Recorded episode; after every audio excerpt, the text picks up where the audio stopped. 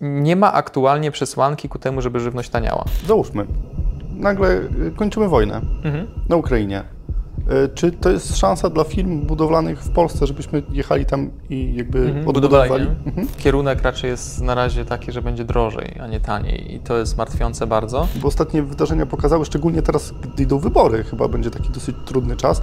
Jak to czytać? Jak czytać rynki z ust polityków? Kwota udzielonych kredytów rok do roku spadła o 80%.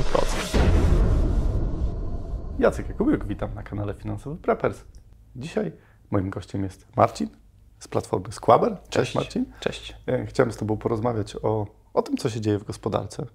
I mam takie przemyślenia, wiesz, zawsze jak um, mam taki, widzę taki szok cenowy, że na przykład spojrzę przez przypadek, ile kosztuje masło, jak kupuję masło, czy ostatnio byłem na takim śniadaniu biznesowym z, z kolegą, wspominaliśmy stare czasy i jak dostaliśmy rachunek, to jednak y, to było pięć razy więcej nawet niż kiedyś, za, za czasów studenckich kupowaliśmy takie śniadania.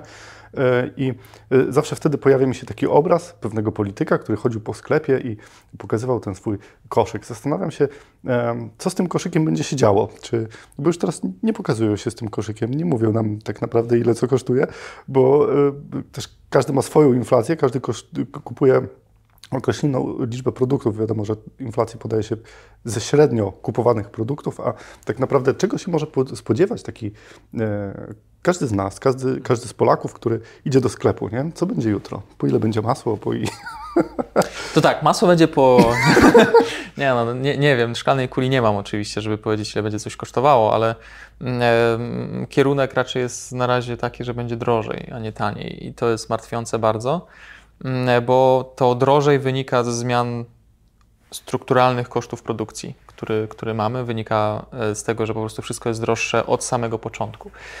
Więc nie ma tylko wpływ popyt e, na, na, na te dobra, ale także i właśnie ta kwestia e, kosztów produkcji, więc i też ceny producentów, ceny podażowe. Zresztą odczyty ceny producentów wzrostów cen producentów w Niemczech to były po kilkadziesiąt procent, 40%, jak dobrze pamiętam. To pokazuje skalę problemu, że ci producenci coś muszą z tym zrobić, przerzucić na nas.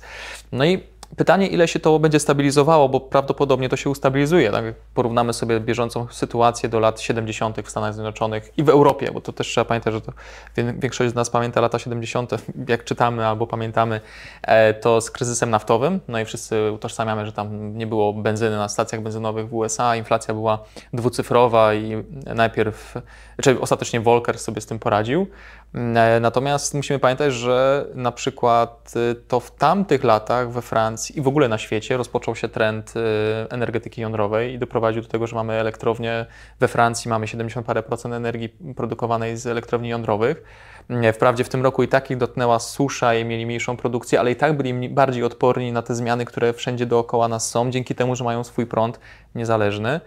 E, no i znowu mamy podobną, tak, historia zatacza koło. Kilkadziesiąt lat później, 50 lat później mamy powtórkę z historii, tak? Mamy problem z ropą i gazem, dlatego świat wraca do atomu, tak można krótko powiedzieć. E, możemy cofnąć się jeszcze wcześniej, do, do lat 40., czy jeszcze wcześniej do wojny II światowej, gdzie za każdym z tych rzeczy w gospodarce pan, coś stało, tak? Albo wojna i produkcja przestawiona na wojenną, a później trzeba było wrócić do, do produkcji normalnej, albo właśnie nagły koszt kosztów e, produkcji, wzrost kosztów produkcji. I wydaje się, że teraz jesteśmy w takim momencie, w którym e, się spinają przynajmniej dwie rzeczy. Pierwsza rzecz to jest ogólna tendencja świata do deglobalizacji, czyli patrzenia trochę na swoje podwórko i cofania z najtańszych źródeł produkcji do własnych, czyli będziemy produkować to samo, ale trochę drożej, na przykład u siebie na, na, na podwórku. E, a druga rzecz to właśnie wzrost ogólny e, kosztów, który wynika z dwóch rzeczy. No, mieliśmy rozchwianą stronę popytową w 2020 i 2021 roku, bo były najpierw rozdawane pieniądze e, i zostawione, więc to spowodowało ten wybuch, wybuch popytu. A z drugiej strony podaż nie była do tego, nie, nie była w stanie się tak szybko dostosować. No i taką mieszankę mamy dziś. I ja jestem zdania, że to się na razie będzie utrzymywało. Prawdopod- znaczy, najbardziej scenariusz, który obstawiam, tak ogólnie na rynkach finansowych i gdzieś w swoim, w swoim nazwijmy to, prywatnym świecie, to jest taki scenariusz, w którym teraz jest schyłek inflacji, zacznie ona spadać, tylko nie będzie takiego płaskowyża, jak to tam rysują, tylko po prostu będzie spadek inflacji. Może nawet jakaś deflacja chwilowa, co zmotywuje rządzących do poluzowania polityki pieniężnej e, i ostatecznie doprowadzenia do jeszcze jednej górki inflacyjnej. Bo zazwyczaj ta inflacja, jak, się, jak jest tak mocno rozchwiana, to są takie dwie górki. Pierwsza górka, a później jest druga górka. Pytanie, jak mocno rządzący, i mówię tutaj o bankach centralnych oraz rządach, poluzują. Bo jeżeli Fed utrzyma swoją politykę, że jednak chce mieć wysokie stopy procentowe i NBP na przykład też nie ulegnie i utrzyma wysokie stopy procentowe, to ten dołek, jakby ta druga fala inflacji nie będzie duża, po prostu się, się, się, się szybko zakończy. Jeżeli jednak włączą drukarki, no to niestety. Brr. Tak. tak. A wracając jakby do szefów banków centralnych, jakby dużo, dużo rzeczy, które jest wypowiadane przez polityków i przez naszego prezesa Banku Centralnego na wizji, mhm. jakby ma bardziej traktat Sopocki, y, Sopocki tak, się, Sopocki, się, się sprawdził niż, niż to, co jest mówione na konferencjach. E, wchodzi polityk, mówi, że cmentarze nie zamkną, ale na drugi dzień zamykają, prawda? I jakby jest, jest pewien taki, e, kogo słuchać? Kogo słuchać z, tych, e, z tego otoczenia, czy po prostu to, co mówią, robić odwrotnie, traktować ich jako antywskaźnik? Bo, bo ostatnie wydarzenia pokazały, szczególnie teraz, gdy idą wybory, chyba będzie taki dosyć trudny czas. Jak to czytać? Jak czytać rynki z ust polityków? Wiesz co, wydaje mi się, że że nie ma na to złotej recepty. Ja jestem generalnie raczej skupiony na tym, co się dzieje, a nie co jest mówione, bo mówienie powoduje jakiś tam szok, ale on się zaraz skończy. Natomiast robienie powoduje problemy i znaczy problemy lub łagodzi. Ostatnio więcej problemów niż łagodzenia, ale jednak, tak? Okej, okay, to idąc już do tego no. robienia, e, zbliżają się wybory, mhm. E, będzie na pewno dużo mówione. Mhm i będzie coś robione. E, jakie masz perspektywy e, na to, jak to wpłynie na gospodarkę? To jest mega ciekawy temat, bo e, myślę, że nie ma takiego na, w Polsce, który by oczekiwał, że nic nie będzie dawane, że obiecywane, tak? Więc musimy się spodziewać, że będzie sprawa i lewa obiecane, co to się nie stanie w Polsce, jak to nie będzie pięknie, a przede wszystkim ile nie dadzą.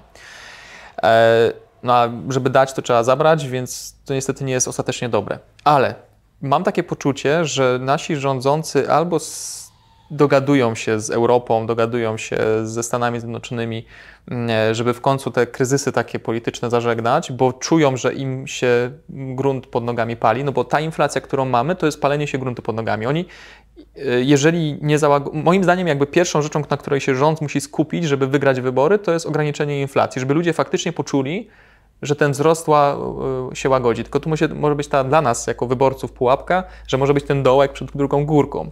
E, no i tego, tego mm, to będziemy obserwować już na bieżąco, jak się to będzie rozgrywało. Ale uważam, że będzie dużo obiecane, ale jednak może być taki pas gdzieś z tyłu, który później po wyborach nagle się okaże, że już nie będzie zrobione tak, jak było obiecane, bo nie będzie z czego. I, I tutaj y, ja obstawiam taki scenariusz, że będzie dużo, y, dużo, dużo gadania, dużo gadania, dużo obiecywania, dużo mówienia, jak to jest super, że tutaj się łagodzi inflacja, że już wszystko opanowane, że tutaj za chwilę będą stopy malały, że będzie wszystko ok. Może będą jakieś małe, drobne ruchy zrobione, ale ostatecznie nie zrobią tego kroku faktycznie w stronę dalszego drukowania, dalszego luzowania, czy jednak będą starali się gospodarkę mm, utrzymać tak, żeby ta inflacja zeszła do jakichś normalniejszych poziomów, bo na razie nie oczekuję, żeby spadło do celu inflacyjnego, bo to jest myślę, że mrzonka, jakby w średnim terminie jakaś średnia inflacja. Nie? Tutaj jednak potrzeba tego czasu, żeby to się ustabilizowało. I to ja jestem optymistą z natury, więc to jest ten mój taki bazowy scenariusz optymistyczny. E, natomiast y, on ma tą jedną taką zawleczkę, że jak ktoś przegnie, to to po prostu wybuchnie. Nie? Jak zacznie wprowadzać te obietnice, no to niestety będziemy mieli bardzo wysoką inflację dalej. Ja się właśnie tego boję, że damy za dużo, a i weźmiemy później za dużo, dystrybucja będzie nas tak. kosztowała, czy e, marzy mi się taki scenariusz, żebyśmy redukowali e, trochę rozdawnictwo. Wiem, że to jest mało PR-owe, ale e, jakby też stosowali więcej ulg podatkowych, a nie dorzucali no, podatków. I, nie wiem, czy pamiętasz, ale ty, ty podejrzewam, że jesteś z podobnego pokolenia jak moje, w sensie wiekowo jesteśmy bardzo zbliżeni, to nasi rodzice mieli coś takiego jak ulgi na tam któreś dziecko. Jeżeli miałeś jedno dziecko, to miałeś ileś tam ulgi, dwoje dzieci do ileś tam ulgi od, od podatku. No i tam ta ulga jakaś tam kwotowo była dość taka zasadna. Jeżeli się miało więcej niż tam jedno czy dwójkę dzieci, no to już w ogóle było super, nie? I dlaczego nie może być tak?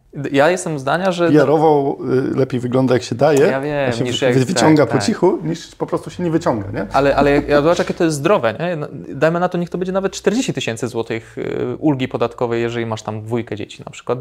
Bo jakby to gospodarki nie boi, bo te pieniądze i tak wrócą. Ale przede wszystkim jest jeden ten aspekt najważniejszy. Ci ludzie pracują jakby i mają chęć pracowania, no bo czują, że jakby dopiero kiedy zarobią, to coś może im e, z tego, z tego uczknąć. No ale to szybko chyba nie wróci, no bo jednak łatwiej, tak jak powiedziałeś, jest rozdać. Jest tutaj jeden czynnik, który przez tą partię rządzącą, która aktualnie działa, nie wiem, czy tak przez PO też było robione wcześniej, bo tego raczej nie dostrzegałem, ale e, PiS e, zrobił, tę partię rządzącą teraz zrobiła jedną rzecz, która jest niebezpieczna ogólnie. Jest mocna centralizacja budżetów. E, gminy bardzo mocno narzekają, że jak na przykład mamy obniżkę podatków, to jest to obniżka podatków, która trafia do gmin, czyli na przykład PIT czy CIT. Natomiast utrzymywane są te podatki, które są centralne, VAT na przykład, tak? E, I ostatecznie mamy sytuację, że teraz Skarb Państwa znowu musi redystrybuować budżet centralny do budżetów gmin. A to gminy mają te inwestycje w stylu przedszkole, jakieś tam do postawienia, szpital do utrzymania, drogę do wybudowania. E, I to jest tendencja, która powoduje, e, my się skupiamy cały czas na tym budżecie centralnym, gdzie mamy też jakiś tam deficyt, też jakieś tam ograniczenia budżetowe i tak dalej, ale popatrzmy na problemy jednostek samorządowych. Jakie tam muszą być deficyty? Przecież tam już pomału będzie problem z tym, żeby w ogóle coś wybudować, bo nikt nie da kredytów już takim, bo skąd oni mają to spłacić, skoro nie mają dochodów z centralnego budżetu? jesteśmy sobie w stanie chyba wyobrazić sytuację, w której po prostu rząd powie, dobra, nie damy wam, bo jednak musimy w centrali coś zrobić, tak? No i co wtedy? Okej, okay, trochę się e, rozmarzyliśmy i e, pomyśleliśmy ciepło, że politycy mogą coś fajnego dla nas zrobić, ale zejdźmy na ziemię teraz no. i zastanówmy się, jaki to będzie miało wpływ na gospodarkę. Mamy dużą to, inflację, no. mamy jakby wizję dużej kiełbasy przedwyborczej e, i mówi się też, że na rynkach jest tak, że to, co się dzieje na rynku, za kilka miesięcy ma odzwierciedlenie w realnej gospodarce. Mhm. Teraz widzieliśmy, y, no, mówiło się, że i złotówka, i w zasadzie WIG tak, e, tak bardzo szorował po dnie, e, czy to będzie miało odzwierciedlenie na przykład w okresie świątecznym, że będzie mniej kupować, czy w następnym roku. E, jak będzie wyglądała gospodarka? Giełda ma to, do siebie, że stara się wyprzedzić gospodarkę, więc nie koniecznie to, co jest na giełdzie, to później się dzieje w gospodarce, tylko jakby inwestorzy starają się antycypować, co się może wydarzyć. I dzisiejszy świat jest bardzo szybkim światem. COVID to pokazał, że zwykle giełda potrzebowała tak 6 do 9 miesięcy w przód patrzyła, tak? Teraz, się, czy w covid to się skróciło do tam miesiąca w przód, bo nikt nie wiedział, co się wydarzy. I dalej jeszcze są podejmowane decyzje w takiej perspektywie czasowej, mi się wydaje, ale to się zacznie wydłużać, czyli faktycznie patrzymy na takiej perspektywie do 9 miesięcy w przód. Więc patrząc na to, co się działo w ostatnim czasie, na przykład w październiku, listopadzie, to uważam, że rynek bardzo mocno gra w scenariusz, w którym będzie wysoka inflacja, ale nie tam 20%, tylko w Polsce 8-9, czyli poniżej 10, wzrost gospodarczy poniżej inflacji, że jednak ta inflacja będzie wyższa niż wzrost gospodarczy, to też by było fantastyczne, jakbyśmy mieli 10% wzrostu gospodarczego, ale to jest nierealne.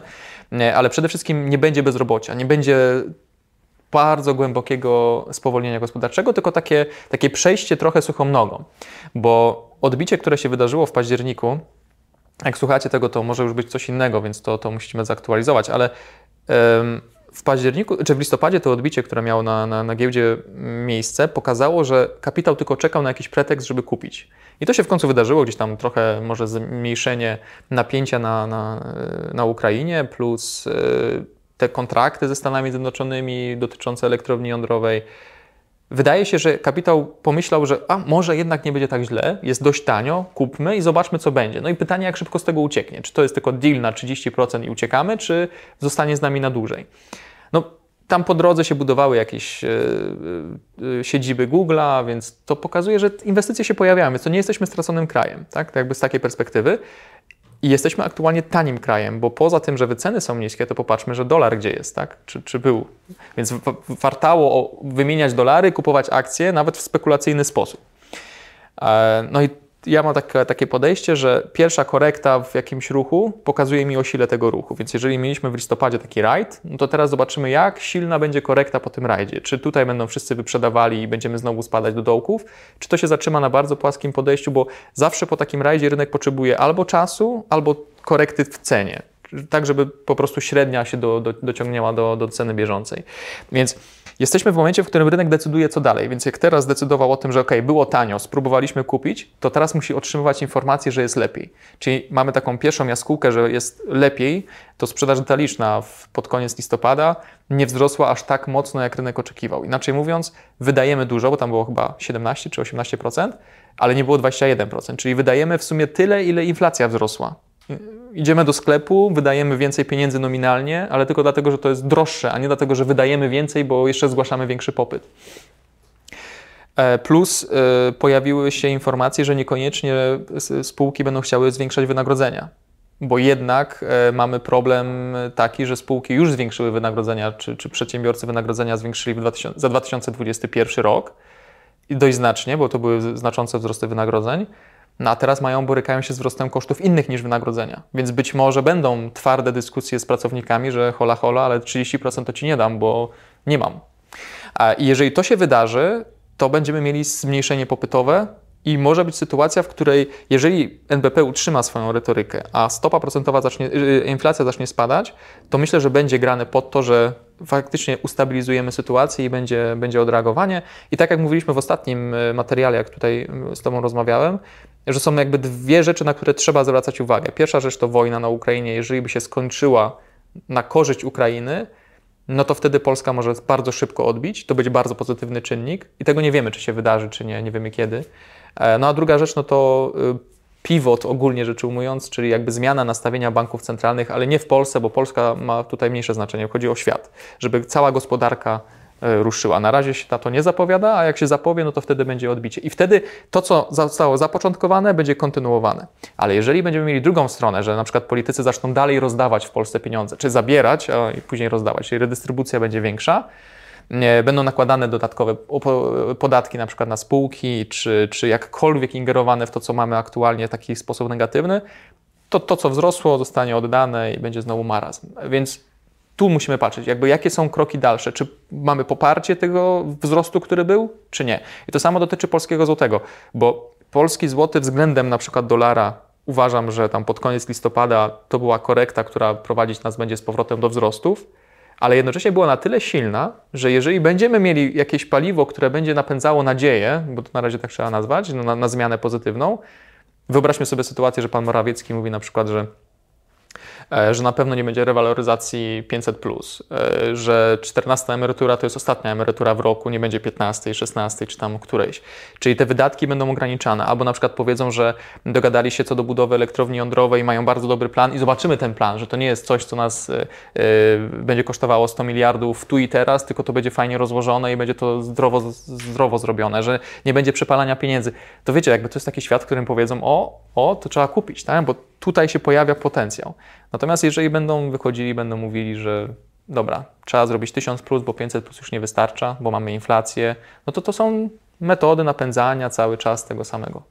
Ja często lubię słuchać takich starszych ludzi, bo oni mają zupełnie inne spojrzenie na rzeczywistość niż ja. I pamiętam kiedyś e, starsi ludzie w mojej miejscowości mówili, że to jest nie do pomyślenia, że rolnicy czy ludzie z małych miejscowości, którzy kiedyś mieli tam wszystko, bo jakby to było bogate y, w żywność, mieli tam jajka, mleko, wszystko, przyjeżdżają teraz do sklepu typu Biedronka i robią zakupy i kupują to, co kiedyś przywozili do miast ze wsi. I e, mam takie pytanie, bo mówię, że, że, każdy zaczyna się zastanawiać nad swoją samowystarczalnością. Każde państwo tak, tak, patrzy się, żeby wszystko wróciło do, do, nas, a ta żywność jednak jest takim w większości przypadków dużym wskaźnikiem jakby inflacyjnym, bo u nich często nawet więcej niż 50% tego koszyka, który mają, to stanowi żywność, bo, bo nie zarabiają zbyt dużo i jakby mają takie potrzeby, prawda? E, czy tej żywności wystarczy i czy ta żywność będzie mocno rosła? To czy wystarczy, to, to nie mam danych na to, żeby odpowiedzieć, czy mamy wystarczająco, czy nie, bo takie pierwsza rzecz, jak była wojna, no to y, zaczynała się wojna na Ukrainie, no to pierwsza myśl, no to Ukraina, duży eksport żywności, więc to jest niebezpieczne dla świata ogółem. Natomiast no, Polska raczej jest eksporterem niż importerem żywności. W sensie ogólnie jesteśmy eksporterem netto, byliśmy eksporterem netto. No ale do tego trzeba dodać, że mamy 2 miliony ludzi więcej w Polsce, tak? bo Ukraińcy przyjechali. Więc Czy dalej jesteśmy? Tego nie wiem. Jakby nie mam teraz informacji. To jest fajnie, że mówisz, że Chiny tak bardzo blokują przepływ informacji, że tam dużo takiej propagandy no, nie wycieka. Mamy takich danych a, a w Polsce no. w ogóle mamy, mamy, e, olaliśmy to, nie publikujemy takich rzeczy. Nie badamy, bo no, po jakby co? nie dotarłem do nich. Znaczy też nie chciałbym teraz powiedzieć, że na pewno ich nie ma, bo być może w, w, znajdziemy gdzieś w GUS-ie jakieś takie dane, ale no ja nie znalazłem tak na bieżąco, jak tak sobie gdzieś na szybko szukałem. E, więc jeżeli ktoś z Was ma, to dajcie znać w komentarzu, ja się chętnie do, do uczę i, i znajdę te dane, ale pomijając sam fakt, czy nam starczy, czy nie, bo tak jak mówię, nie mam takich informacji, nie jestem w stanie ich z głowy wy, wyrzucić, to na pewno koszt produkcji y, żywności rośnie. I on będzie rósł w, przy, przyszłym roku dalej, bo mamy dwa czynniki, które są niestety bardzo niepokojące. Po pierwsze nawozy, a po drugie diesel, już o którym też mówiliśmy ostatnio. E, nawozy są, były produkowane do tej pory przede wszystkim w Rosji. Polska też ma grupę Azoty, chociażby, która jest jednym z największych producentów w Europie i super, i mogliśmy to jakby zaspokoić, ale pamiętajcie, że nawet jeżeli u nas ta żywność będzie produkowana i będą te nawozy, e, bo możemy je produkować, to jeszcze mamy cenę gazu, które powodują, że nawozy są po prostu bardzo drogie, bo tam chyba 80 czy 90% ceny nawozu to jest wynik cen gazu, który wsadzamy do, tego, mm, do tej produkcji. Więc inaczej mówiąc, będziemy mieli to, co jest potrzebne na polach dużo droższe, więc rolnicy muszą więcej zapłacić, więc będą musieli więcej od nas żądać za swoją żywność, którą wyprodukują. No a druga rzecz, no ten traktor, który jeździ na to pole, no musi wyjechać kilka razy w roku na to samo pole, tak? Najpierw zasiać, później przeorać, cały ten cykl produkcyjny. I w międzyczasie zatankować. Tak, a cały czas niestety tam prosi o to picie, nie? ten traktor. E, a później trzeba to przetransportować z tego pola do tego młyna, z tego młyna do tej piekarni, później do sklepu. Ile tam jest tego transportu nie? w środku? I jeżeli nie poradzimy sobie z tym problemem wysokich cen diesla, e, to tak jak wspomniałem ostatnio, elastyczność popytu jest tutaj niewielka. Po prostu nieważne jaka jest cena, my potrzebujemy tego, więc po prostu albo zacznie brakować i będzie, będzie tutaj jakaś reglamentacja, albo E, będzie tak, że po prostu cen, nie będzie brakowało, ale będzie cena bardzo wysoka, no bo będziemy musieli importować z jakichś krajów, nie, nie wiadomo skąd. Więc nie ma aktualnie przesłanki ku temu, żeby żywność taniała. Może się pojawić w postaci na przykład bardzo dobrego roku e, zbiorów i pomimo tego, że koszty wzrosły, to te zbiory są tak obfite, że jest super, tak? Natomiast no, wszystkiego i tak nie produkujemy sami, część musimy zaimportować. Więc wydaje się, że aktualnie niestety musimy się pogodzić z tym, że ceny będą wysokie. Czy będą dalej rosły znacząco? E, to tu jest już duża zmienność, to jest tak jak z pogodą. Ciężko zaprognozować rok w przód, co będzie, a żywność w 100% zależy od no, pogody. Tak? Surowce rolne chyba dużo zależy od no pogody. Właśnie, no, to, to, to trudno, trudno je rozdzielić, e, więc wydaje się, że tutaj musimy się przygotować na wysokie ceny. Jeżeli byłoby tak, że zbiory będą niewielkie, bo będzie jakaś bardzo zła pogoda, to musimy się nawet e, godzić z tym, że mogą być niedobory żywności. E, natomiast nie wydaje się, żeby w Polsce był kryzys, że miał być kryzys taki, że naprawdę będzie brakowało w sklepach jedzenia, no bo jednak, tak jak wspomniałem na początku, przynajmniej do tej pory byliśmy eksporterem netto, więc powinniśmy mieć wystarczająco dużo produkcji. Ja na przykład e, przed wakacjami w tym roku, czy tam na początku wakacji 2022 roku, wskazywałem na to właśnie, że mm, w Polsce nie powinno być takiego problemu, że będziemy mieli głód. E, on się może pojawić w w krajach afrykańskich, bo tam jednak ten import e, z Ukrainy był znaczący, z Rosji również. E, natomiast musimy się przygotować na to, że wysokie będą ceny oraz mogą być niedobory chwilowe, tak jak później było z cukrem bodajże. Że faktycznie było tak, że w sklepach nagle brakowało cukru, pomimo tego, że w sumie ani produkcja się nie zmieniła, ani nic. Po prostu ludzie nagle mieli famę, że będzie brakowało cukru, bo w jednym sklepie zabrakło i tak jak z papierem toaletowym w pandemii mieliśmy tak samo z cukrem. E, więc tu y, takich rzeczy bym się spodziewał, takich chwilowych y, niedoborów, które gdzieś tam się mogą pojawić. Aczkolwiek ostatnio pojawiły się informacje, że z może być problem, e, bo po prostu wzrost kosztów produkcji drobiu, jajek i tak, tego, tego wszystkiego um, niestety jest bardzo mocny i część firm może upaść, bo nie jest w stanie nie ma wystarczającej płynności, żeby zapłacić za rachunki, które dostaje w związku ze zużyciem gazu czy prądu. I to jest ten czynnik niebezpieczny, że możemy mieć nagłą zapaść y, podażową wynikającą stricte z takich braków płynnościowych już, nie? Ale tego nie przewidzimy. Moim zdaniem to jest jakby ryzyko, z którym musimy się zmierzyć i ono będzie chwilowo występowało, natomiast to pewnie będzie łagodzone jak zwykle przez rządzących jakimś tam pakietem pomocowym, no i to zostanie wybronione. Pewnie tak, tak bym celował w takie rzeczy, czyli szoki chwilowe, ale nie ogólny problem taki, że będziemy mieli, nie, nie będziemy mieli co do garnka włożyć. Tak to widzę. Mhm. Jak powiedziałeś o braku papieru toaletowego, to mi się przypomina na e, ci fani militariów mają takie naszywki teraz e, z rokiem 19 z symbolem papieru toaletowego i napis weteran. E, także to był, to był okres, w którym weterani, e, tacy, tacy prepersi powstali i jakby idąc dalej, jeżeli e, mówimy o gospodarce, e, przechodząc już jakby do, do biznesu, do firm, pierwszym takim czynnikiem są branże wysokiego ryzyka, czyli transport, budowlanka, mhm. które zaczynają mieć problemy. Budowlanka też to jest duże przełożenie na, na nieruchomości, też, no. na gospodarkę również, jakby to jakby od tego się zaczyna. Czy widzisz jakieś już problemy, czy bądź jakieś problemy nadchodzą w tych branżach? Jak patrzymy na dane stricte, to musimy nieruchomości i budowlankę rozgraniczyć na tą budowlankę taką dla osób indywidualnych. Mówię tutaj o domach stricte. E, później mamy mieszkania, e, gdzie są budowane dewelopersko, no i później mamy budowla, budowlankę taką infrastrukturalną i przemysłową, no ale to już są jakby kolejna, kolejna gałąź. I myślę, bo takich danych stricte jeszcze nie mamy, bo taką siłą rozpędu to, to działa. Wprawdzie są spadki, jeżeli chodzi o pozwolenia na budowę i rozpoczęte budowy, ale mimo wszystko to się jeszcze kręci, bo te budowy, które zostały zapoczątkowane na przykład w 2022 roku mm, na początku lub e, pod koniec 2021, no one jeszcze żyją i kto tam ma te pieniądze, to tam stara się skończyć. Natomiast kwota udzielonych kredytów rok do roku spadła o 80%. Jesteśmy na najniższym poziomie udzielanych kredytów, jeżeli chodzi o wartość od 4 lat, bo takie dane akurat mamy w BIK-u dostępne, więc być może to jest nawet większy problem, ale czteroletnio na pewno.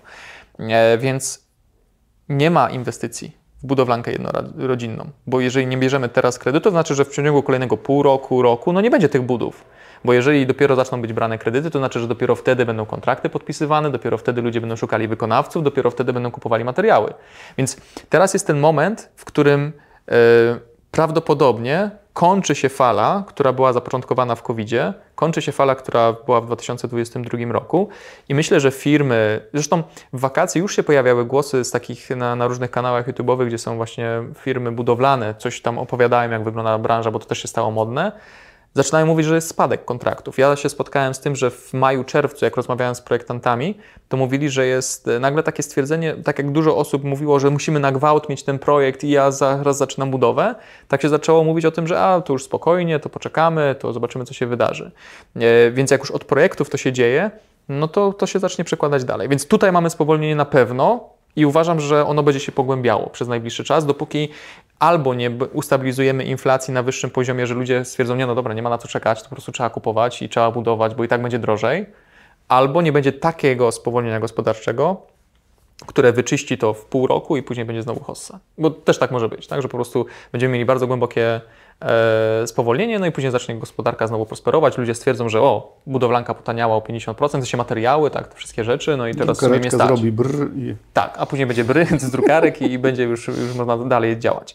Natomiast zupełnie inna sytuacja jest w branży mieszkaniowej, na której trochę mniej się też interesuje, więc też, też mam raczej taki ogólny obraz, aniżeli bardzo szczegółowy, to yy, tam musimy pamiętać, że to nie jest tak, że jedna osoba decyduje o budowie. W sensie to, jest, to są firmy, tak? nie mówię teraz, że to jest budowa dla jednej osoby, tylko to jest tak, że no firma stwierdza, dobra, koszty na przykład rosną, to poczekamy, aż się ustabilizują, więc nie budujemy kolejnych tam 200 mieszkań, tylko wstrzymujemy. Więc i teraz obserwujemy to, że jest najmniejszy, nie wiem czy najmniejszy, więc jest znaczący spadek, e, znaczący spadek e, liczby e, mieszkań rozpoczynanych do budowy. Więc będziemy mieli spadek podaży. I to jest główny czynnik, jakby główny argument dla osób, które uważają, że ceny mieszkań nie będą spadały. Po prostu, ok, popyt zmalał, bo nie ma kredytów i tak dalej, ale z drugiej strony nie ma podaży, więc w sumie stoimy w miejscu. tylko pytanie, jak długo firmy, które celem podstawowym jest budowanie i sprzedawanie mieszkań, mogą stać i nie budować mieszkań. Jakby tutaj się musimy zastanowić, tak? Bo y, ja wiem, że koszty wzrosły, no ale z kolei przez pół roku, rok będą stały i nie będą budowali tych mieszkań, bo się nie będzie opłacało, bo dalej na przykład y, ludzie nie będą kupowali, mm, no to ostatecznie materiały też stanieją, no bo jakby nie będzie popytu, jakby to się będzie cofać, tak? Więc Dziś moim zdaniem jest bardzo trudno powiedzieć, jak będzie za rok wyglądał na pewno rynek, bo nikt nie ma szklanej kuli. Ale ja zakładam, że to spowolnienie będzie się pogłębiało, czyli jednak wygra y, czynnik taki rynkowy, czyli że będziemy mieli po prostu spadek e, cen materiałów, spadek cen e, usług budowlanych, więc ostatecznie mieszkania będziemy w stanie budować taniej. Mm, ale nie spodziewamy się z jakiegoś znaczącego spadku w mieszkaniach. W budowlance domów jednorodzinnych myślę, że więcej, no bo to jest jednak większy koszt, większy wydatek i mniej ludzi się będzie decydowało. Więc tutaj taką rozbieżność bym, bym dostrzegał. E, natomiast e, jedna rzecz jest tutaj warta uwagi i tutaj przejdziemy automatycznie do budowlanki tej dużej infrastrukturalnej. E, poprzez wzrost cen energii znacząco rośnie koszt produkcji materiałów. I tutaj, jeżeli ceny energii nie spadną, a wydaje się, że w najbliższych roku, dwóch one nie spadną, bo, bo, bo taka jest struktura aktualnie, to cement, cegły, beton, to wszystko będzie droższe. Czy albo się ustabilizuje na tym wysokim poziomie, na którym jest. E, I tutaj czynnik popytowy nie będzie miał tak szybkiego przełożenia, chyba że będą czyścili magazyny, ale nie mamy magazynów wyrobionego betonu, tak? bo się wyrabia na bieżąco, wtedy kiedy jest potrzebny. Nie, więc e, tutaj jestem zdania takiego, że nawet jeżeli będzie spadek cen, to on będzie raczej w krótkim terminie, tak? bo jakby nie będą produkowali, bo nie będzie po prostu wystarczającej ceny, żeby zaspokoić e, ich koszty produkcji. Więc receptą na wszystko wydają się być ceny energii. Jeżeli udałoby się nam obniżyć ceny energii, no to mielibyśmy po inflacji, bo wszyscy by produkowali po niższych cenach, marże by się ustabilizowały i wszystko byłoby ok. Więc jeżeli mamy mieć radę dla rządzących, co zrobić, żeby było lepiej, to zatroszcie się, żeby cena energii od jutra była tańsza. Tylko nie na zasadzie ceny maksymalnej, bo to nie zadziała, e, tylko jednak poprzez produkcję ceny po prostu w niższych poziomach. Tutaj jeszcze warto pamiętać o e, budowlance tej dużej, czyli infrastrukturalnej. Ostatnio się pojawiły artykuły też na ten temat, że firmy budowlane boją się spadków liczby zamówień, znaczy ich po prostu zamówienia będą spadały, e, bo brakuje KPO. E, I można się upierać, czy ono jest, czy tam Unia Europejska coś od nas chce zabrać za dużo, czy za mało. Nie wiem, bo nie dyskutuję tam w tej polityce, więc nie wiem, jakie są faktyczne realia. Być może rządzący słusznie stawiają opór. E, natomiast e, problemem jest to, że mm, te pieniądze po prostu e, były zaplanowane. Tak, to w naszej głowie było i w firmach było, że te pieniądze będą. Plany inwestycyjne były tworzone pod to KPO, więc nagle nie wyczarujemy tych pieniędzy. I po prostu tych projektów nie będzie zrealizowanych dziś, albo będą realizowane mniejsze, tak jak robiliśmy zamiast autostrad drogi ekspresowe, tak może być w podobną stronę teraz gdzieś możemy pójść. I tutaj uważam, że to jest duży, duży czynnik ryzyka dla firm budowlanych stricte w Polsce. I też z kontekstu znowu materiałów, e, na przykład Budimek stwierdził, że odrzucił na początku roku kontrakty o wartości 3 miliardów e, złotych tylko dlatego, że bał się, że koszty energii i koszty produkcji tych materiałów, tak, stricte, na których będzie bazował, poszybują tak mocno, że nie będą w stanie dopracować tych kontraktów. Więc znowu kłania się niestabilność. Część firm będzie chciało wyższych marsz, tylko po to, żeby sobie zrekompensować wahania materiałów budowlanych. Mm, natomiast to, co się poprawia, no to koszt pracy, bo tutaj mamy to lekkie spowolnienie już teraz, być może ono będzie głębsze, więc też firmy podkreślają ten element. Więc reasumując, jeżeli chodzi o taki czynnik gospodarczy, jeżeli chodzi o budowlankę, uważam, że ona jest bardzo rozwarstwiona teraz, więc firmy, mm, te, które były nastawione na budowlankę jednorodzinną, będą miały problem, przynajmniej chwilowo. Firmy, które są z branży deweloperskiej e, i, i deweloperzy ogółem, teraz będą walczyć o przetrwanie. Kto ma więcej płynności, ten powinien sobie, się pora sobie poradzić i, i, i, zacznie, zacznie lepiej prosperować za jakiś czas.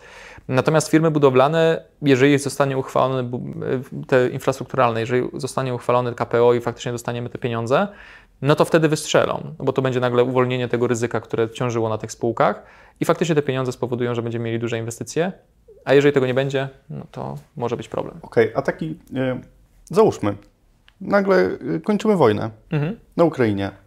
Y, czy to jest szansa dla firm budowlanych w Polsce, żebyśmy jechali tam i jakby mhm, odbudowali? Mhm. Znaczy, czy, e, czy, to może być taki boom? Też może być taki czynnik, że y, ok, jak zobaczymy koniec wojny, to, to inwestujmy w budowlankę? Ja myślę, że inwestorzy to bardzo szybko podchwycą, nawet jeżeli to nie jest słuszne, bo są głosy, to akurat nie mam nie mam kompetencji, żeby to wprost jakby powiedzieć, czy tak, czy nie, więc ja raczej przedstawię dwa scenariusze i teraz każdy z Was musi e, się zastanowić nad tym. E, są głosy, które stwierdzają, że polskie firmy nie mają wystarczających e, zasobów, aby odbudowywać Ukrainę. I chodzi o zasoby nie tylko, nazwijmy to tak, jak, bo Budymek jest dużą firmą, więc pewnie część by mogło, mogli zagospodarować tam, ale o pewien know-how budowania na zagranicą, budowania czy, czy jakby wspierania takich projektów w innych regionach świata, logistykę, przewiezienie tego sprzętu, a co się stanie z Polską, tak? Bo przecież ten sprzęt jest po całej Polsce rozsiany na różnych budowach, to co nagle kupią kolejnych kilkaset, nie wiem, milionów złotych wydadzą na sprzęt. To są takie problemy, których pewnie mało kto w pierwszej kolejności się zastanawia, tak? No bo jak będą pieniądze, to sobie rozwiążemy problem. No ale niekoniecznie, no bo kto teraz da... Pamiętajmy, jaki mamy koszt pozyskania kapitału. Więc jeżeli mielibyśmy odbudowywać Ukrainę i taki Budimex na przykład, e, może się przypiją niepotrzebnie, to jakakolwiek firma, firma A stwierdzi, dobra, mamy tam 100 koparek, potrzeba drugie 100, mm, no nie, nie, nie wydamy nagle pieniędzy tak o po prostu na te 100 koparek, no bo przecież tak się nie robi, to weźmiemy leasing, naturalna rzecz, albo kredyt, ale bardziej leasing. No ale jakie są koszty leasingu teraz, a jakie były koszty leasingu dwa lata temu? E, jakie muszą być marże na tym projekcie, żeby spłacić leasing z tylu koparek naraz, tak? a jednocześnie y, rozwodnienie całego managementu, który był do tej pory skupiony na przykład w Polsce, a teraz musi robić to na Ukrainie. Wydaje mi się, że bardziej prawdopodobny scenariusz jest taki, że będą globalne firmy jako generalnie wykonawcy, a polskie firmy jako podwykonawcy. Tak, tak mi się wydaje. E, I wtedy może być tak, że po prostu zamiast w Polsce to będzie budowane tam. I to będzie duże zagrożenie dla Polski, bo będziemy konkurować w euro bo Ukraina będzie odbudowywana w euro, e, więc e, stawki tam będą dużo większe niż w Polsce i ostatecznie się może okazać, że to, co by na przykład KPO może nawet lepiej, żeby nie było, bo i tak by nie starczyło tych pieniędzy. Tak by, można sobie tak wyobrazić taką sytuację, że po prostu nie będzie wystarczających zasobów, bo pójdą wszystkie na Ukrainę. E, sytuacja śmieszna z dachówkami w Polsce. W, dwa, w, poprzednim roku, w 2021 i chyba w 2020 to się zaczęło.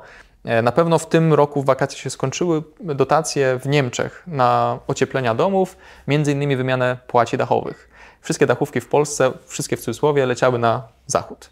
No i Polacy, którzy chcieli budować domy, musieli się borykać z tym, że na przykład mieli jedną dachówkę do wyboru. Oczywiście to są skrajne przykłady, ale takie dostawałem informacje od ludzi, którzy budowali domy, że słuchaj Marcin, ja chcę zamówić dachówkę, Przychodzę do e, magazynu, a tam mi panowie mówią, że tak, za dwa tygodnie, ale tylko ta będzie na przykład, nie? Bo bardzo dużo tej dachówki wyjeżdżało. I teraz może być druga strona tam. Ile okien na przykład jest do wymiany na Ukrainie? Nawet jeżeli blok jest ok, ale bomba spadła niedaleko, to wszystkie okna są do wymiany. To może za chwilę firma, e, branża okienna, która e, gdzieś tam się znowu pojawiały artykuły, że ma problemy, że już jakby nie ma takiego popytu, no bo spadł popyt na budowanie domów, mieszkań, no to naturalnie okna też nagle będzie przeżywała znowu boom, bo wszyscy na Ukrainie będą chcieli mieć okna. Ale jest też jeszcze inna strona medalu, którą trzeba brać pod uwagę. Uważam, że mniej prawdopodobna, bo jest trudniejsza i nikomu na tym może nie zależeć. To jest to, żeby w, na Ukrainie powstał ten, ten przemysł. Tak, żeby odbudować przemysł na Ukrainie, czy inaczej damy pieniądze, żeby powstała fabryka y, produkująca okna, a nie sprzedamy okna. No ale jak wiemy, jak świat działa, to chyba nie w tą stronę raczej będziemy szli, więc to jest taki alternatywny scenariusz. Marcin, e, długo już rozmawiamy, ale czy jest szansa na jakiś powiew optymizmu? Coś, co może nas dobrego spotkać? Czy jeżeli jesteśmy przeciętną, statystyczną rodziną, którą statystycznie inflacja i cena kredytu przytłacza, mhm. czy mamy jakieś światełko takie w tunelu, taką, taką nadzieję? Dajmy może coś pozytywnego dla naszych widzów, że... Pierwsza rzecz, która mi przyszła do głowy, jak zadałeś to pytanie, to jest takie, że wiesz, po każdej nocy nastaje dzień, więc kiedyś będzie lepiej. E znaczy, ale znaczy ja dalej uważam, że nie ma tragedii w Polsce. Nie? Jest wysoka inflacja, czyli ja mówię tragedii w sensie takim naszego życia. Ja wiem, że część osób na przykład ma problem, bo jest faktycznie e, wysoki kredyt, na przykład nie stać ich na to, żeby ten kredyt spłacić i gdyby nie wakacje kredytowe, to w ogóle już by się pożegnali z e, domem czy mieszkaniem. A więc te tragedie ludzkie są, ale tak patrząc na ogół gospodarki, e, to, to na razie nie ma tragedii. Jest źle, jeżeli chodzi o inflację, jeżeli chodzi o to, że przejadamy pieniądze zamiast inwestować. Dlatego to się pogłębia, jest coraz gorzej. Natomiast, y, tak jak też i w poprzednim spotkaniu z Tobą mówiłem, tak jak i na, na początku tego naszego też powiedziałem, że niewiele trzeba, żeby było dobrze. Tu wystarczy po prostu kilka dobrych decyzji i, i nagle nasz kraj y, będzie, wiesz, wychodził z tego, tego, tego problemu, w którym się znalazł y, poniekąd lekko wsparty sytuacją międzynarodową, bo jednak większość rzeczy to my sami sobie sprawiliśmy. No. Więc tak, krótko mówiąc, tak, uważam, że może być, bo tak lubię długo odpowiadać. Więc krótko odpowiadając, uważam, że tak, jeżeli rządzący stwierdzą, że nie warto walczyć kiełbasą wyborczą. No i teraz pytanie, ile to jest prawdopodobne. Okej. Okay. Na koniec odcinka mamy taką tradycję, żeby dać jeszcze trochę optymizmu dla naszych finansowych prepersów.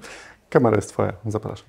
Optymizmu. E, ja myślę, że jeżeli ktoś się interesuje rynkami finansowymi i interesuje się gospodarką jako taką, to jest jedna rzecz, którą ma przewagę nad, nie wiem, z 90% społeczeństwa. Po prostu wie, co się dzieje i jest w stanie jakkolwiek się na to przygotować.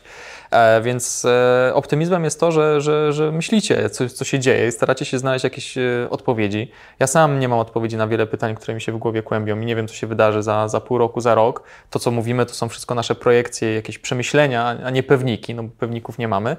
Mm, natomiast w jakimś tam stopniu się przygotowujemy, myślimy, ten kapitał migrujemy z jednego miejsca do drugiego e, i cały czas żywię taką nadzieję, e, to jest na razie nadzieja, ale mam nadzieję, że, że, że tym razem niepłonna, że te wybory jednak nie zniszczą naszej gospodarki, że jednak tutaj będzie jakaś, e, jakaś poprawa i pójdziemy w taką stronę ustabilizowania się, nawet jeżeli to nie nasi rządzący będą ku temu parli, to kapitał zagraniczny, który widzi w Polsce jakiś potencjał, będzie starał się to wymusić. Każdy kryzys, każdy reset, każdy upadek jest y, y, taką szansą, żeby wstać i stać się lepszym człowiekiem. Jestem ciekawy, jakie Wy macie pomysły, żeby wyjść z tego kryzysu y, lepszym, żeby rozwijać się i zarabiać więcej, polepszać swój standard życia. Dziękuję Wam bardzo za dziś. Cześć. Cześć.